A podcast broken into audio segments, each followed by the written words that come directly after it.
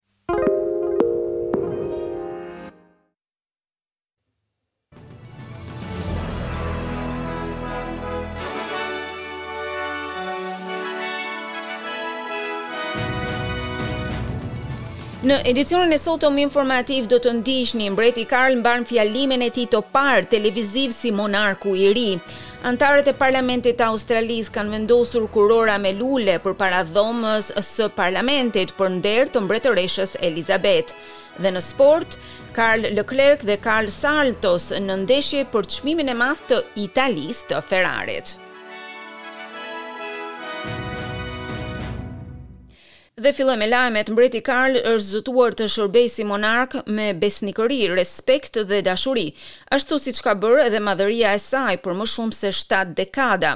Mbreti i ri shprehu mirënjohjen për ngushëllimet e shumta të ofruara nga udhëheqësit dhe njerëzit anembanë botës.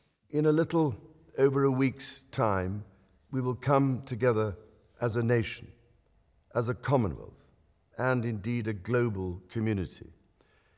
To lay my beloved mother to rest. Për pak më shumë se një javë, ne do të mblidhemi si komb, si Commonwealth dhe në të vërtetë si një komunitet global, për të çuar në banesën e fundit nënën time të dashur. Në pikëllimin tonë, le të kujtojmë, le të marrim forcë nga drita dhe shembulli i saj. Në emër të të gjithë familjes sime, ju falënderoj në mënyrën më të sinqertë dhe më të përzemërt për ngushëllimet dhe mbështetjen tuaj. Ato kanë shumë vlerë për mua, dhe këtë nuk jam në gjendje që ta shpreh ashtu siç meriton. Monarku i ri gjithashtu foli për krenarinë që ndjente në momentin që e shpallte djalin e tij, William si princ i Uellsit. As my heir, William, now assumes the Scottish titles which have meant so much to me. He succeeds me as Duke of Si trashëgimtari im, William tani merr titujt skocezë, të cilët kanë shumë domethënie për mua. Ai më pason si Duka i Cornwall dhe merr përsipër përgjegjësitë për Dukatin e Cornwall, përgjegjësi që unë e kam patur për më shumë se pesë dekada. Sot jam krenar që e kam atë si Princin e Uellesit, në krye të vendit, një titull për të cilin kam qenë kaq i privilegjuar ta mbaj gjatë gjithë jetës dhe detyrës sime deri tani. Ai gjithashtu shprehu edhe dashurinë e tij për Harry dhe Meghan, të cilët për momentin kanë një marrëdhënie të tensionuar me familjen mbretërore të Britanisë, që në momentin që u larguan nga detyrat e tyre mbretërore dhe nga Mbretëria e Bashkuar në fillim të vitit dy mijë e njëzet.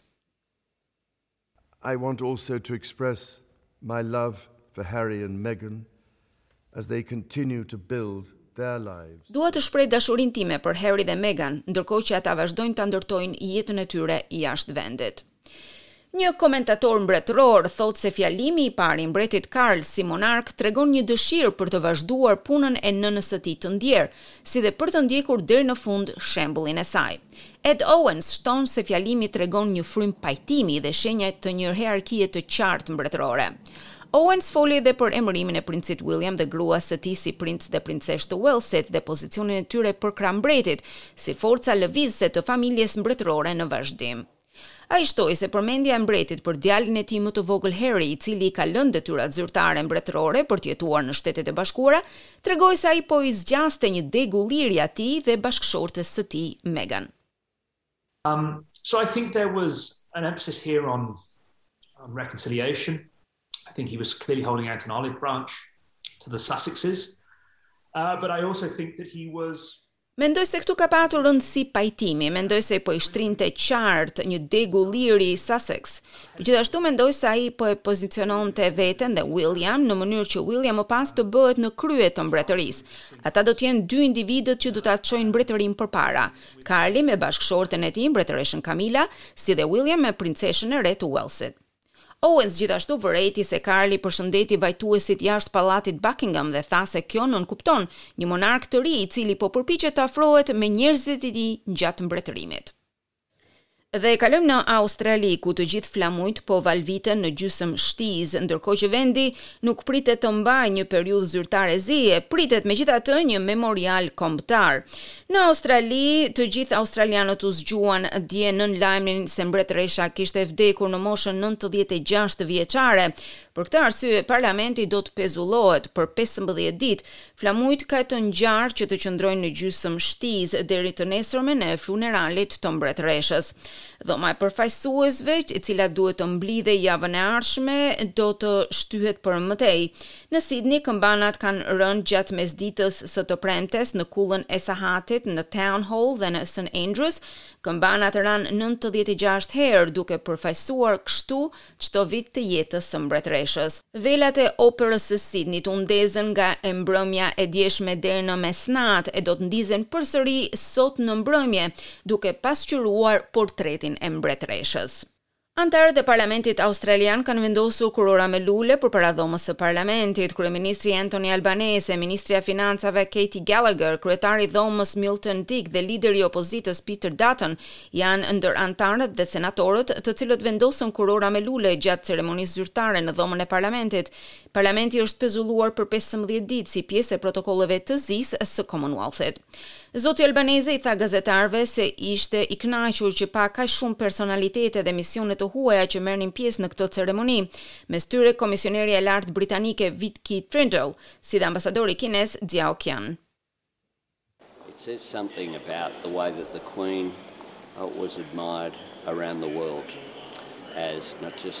Kjo flet shumë për mënyrën se si mbretëresha admirohej nga e gjithë bota, jo vetëm si kreu ynë i shtetit, si kreu i Commonwealth-it, por për kontributin e saj të madh mbi shtatëdhjetë vjeçar si sovrania më e gjatë që ka mbretëruar në Mbretërinë e Bashkuar dhe në Commonwealth.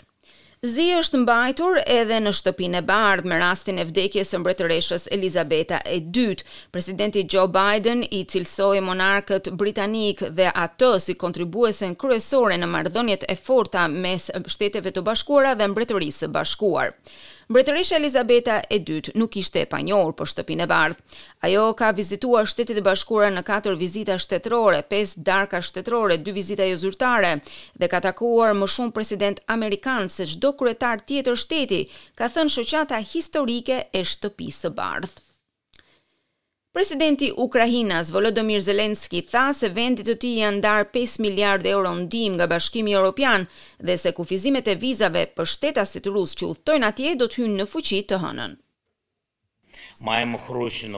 We have good news from the European Union, the allocation of five billion euros of macro financial assistance to our state has been approved. Kemi një lajm të mirë nga Bashkimi Europian, është miratuar ndarja e 5 miliardë eurove ndihmë makrofinanciare për shtetin tonë, diçka që është shumë e rëndësishme.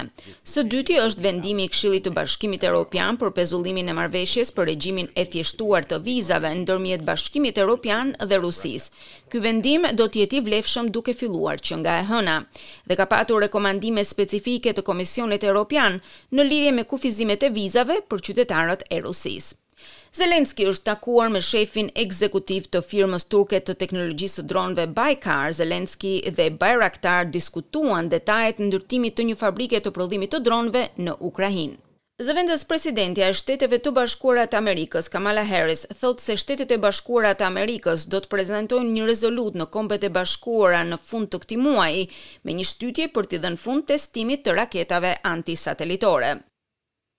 This April I announced that our nation would not conduct destructive direct-ascent anti-satellite missile testing. Në prill, unë njoftova se kombi ynë nuk do të kryejë më testime shkatërruese të drejtpërdrejta në ngjiti, raketa antisatelitore. Këtë muaj, Shtetet e Bashkuara do të prezantojnë një rezolutë në Asamblenë e Përgjithshme të Kombeve të Bashkuara, për t'i bërë thirrje vendeve të tjera të hyjnë në të njëjtin angazhim. Vitin e kaluar, Rusia përdori praktikën për të shkatërruar një nga satelitët e saj të zhdukur, duke krijuar një sasi të konsiderueshme mbeturinash në orbitën e Tokës. Incidenti përbënte një kërcënim për stacionin ndërkombëtar të hapësirës, si dhe shkaktoi dënime ndërkombëtare. Zonja Harris gjithashtu njoftoi angazhime të reja nga Qeveria e Shteteve të Bashkuara, sektori privat, institucionet arsimore si dhe organizatat filantropike për të mbështetur iniciativat në lidhje me hapësirën dhe për të forcuar fuqinë punëtore hapësinore. Sekretari amerikan i Shtetit, Antony Blinken, ka thënë se vendimi i presidentit Vladimir Putin për të dërguar përforcime në rajonin e Harkivit të Ukrainës nënvizon humbjet e mëdha që forcat ruse po marrin në luftën e saj. Blinken deklaroi kështu përpara gazetarëve në selinë e NATO-s pas takimit që pati me sekretarin e përgjithshëm të Aleancës Ushtarake, Jens Stoltenberg, një ditë pasi kryediplomati amerikan kishte vizituar Kievin. Ndërkohë aleanca ushtarake e NATO-s ka konfirmuar se prapa sulmit kibernetik ndaj Shqipërisë qëndron Republika Islamike e Iranit. Njoftimi erdhi ndërkohë që diplomatët iranianë braktisën ndërtesën e ambasadës së Republikës Islamike të Iranit, si dhe u dëbuan nga shteti pas urdhrit të qeverisë shqiptare që ta lëshojnë Shqipërinë për shkak të ndërprerjes së marrëdhënieve diplomatike mes dy vendeve. Vendimi për dëbimin e diplomatëve iranianë u shpall nga kryeministri i Shqipërisë, Edi Rama. Ai e akuzoi Iranin për agresion shtetëror ndaj Shqipërisë për sulmin kibernetik ndaj infrastrukturës qeveritare, si dhe shërbimeve digjitale gjatë muajit korrik.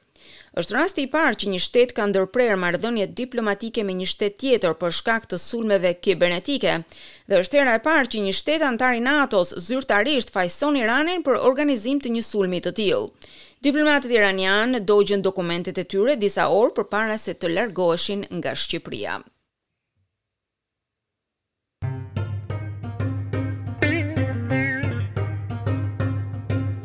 Kalojmë tani në kursin e këmbimit të valutës australiane. Një dollar australian sot këmbehet me 80 lekë shqiptare, 0.67 euro, zero pikë gjashtëdhjetë e tetë dollarë amerikanë dhe dyzet e dy pikë një denarë maqedonas.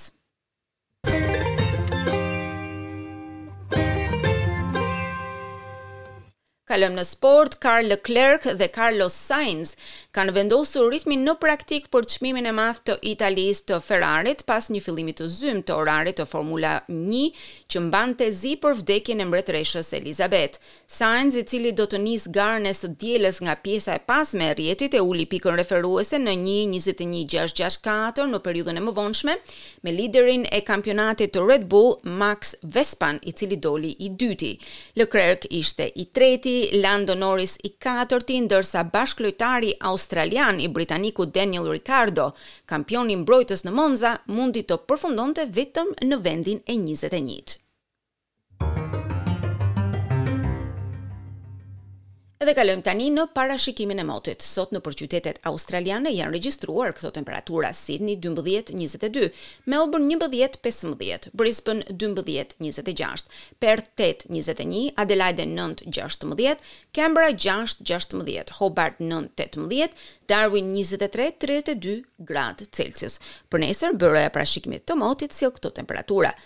Sidni, njëmbëdhjetë, njëzet e një, Melbourne, tetë, gjashtëmbëdhjetë, Brisbane, dymbëdhjetë, njëzet e pesë, Perth, shtatë, dymbëdhjetë, Adelaide, shtatë, gjashtëmbëdhjetë, Canberra, dy, pesëmbëdhjetë, Hobart, tetë, trembëdhjetë dhe Darwin, njëzet e tre, tridhjetë e dy, gradë Celsius. Ndoqët edicionin informativ.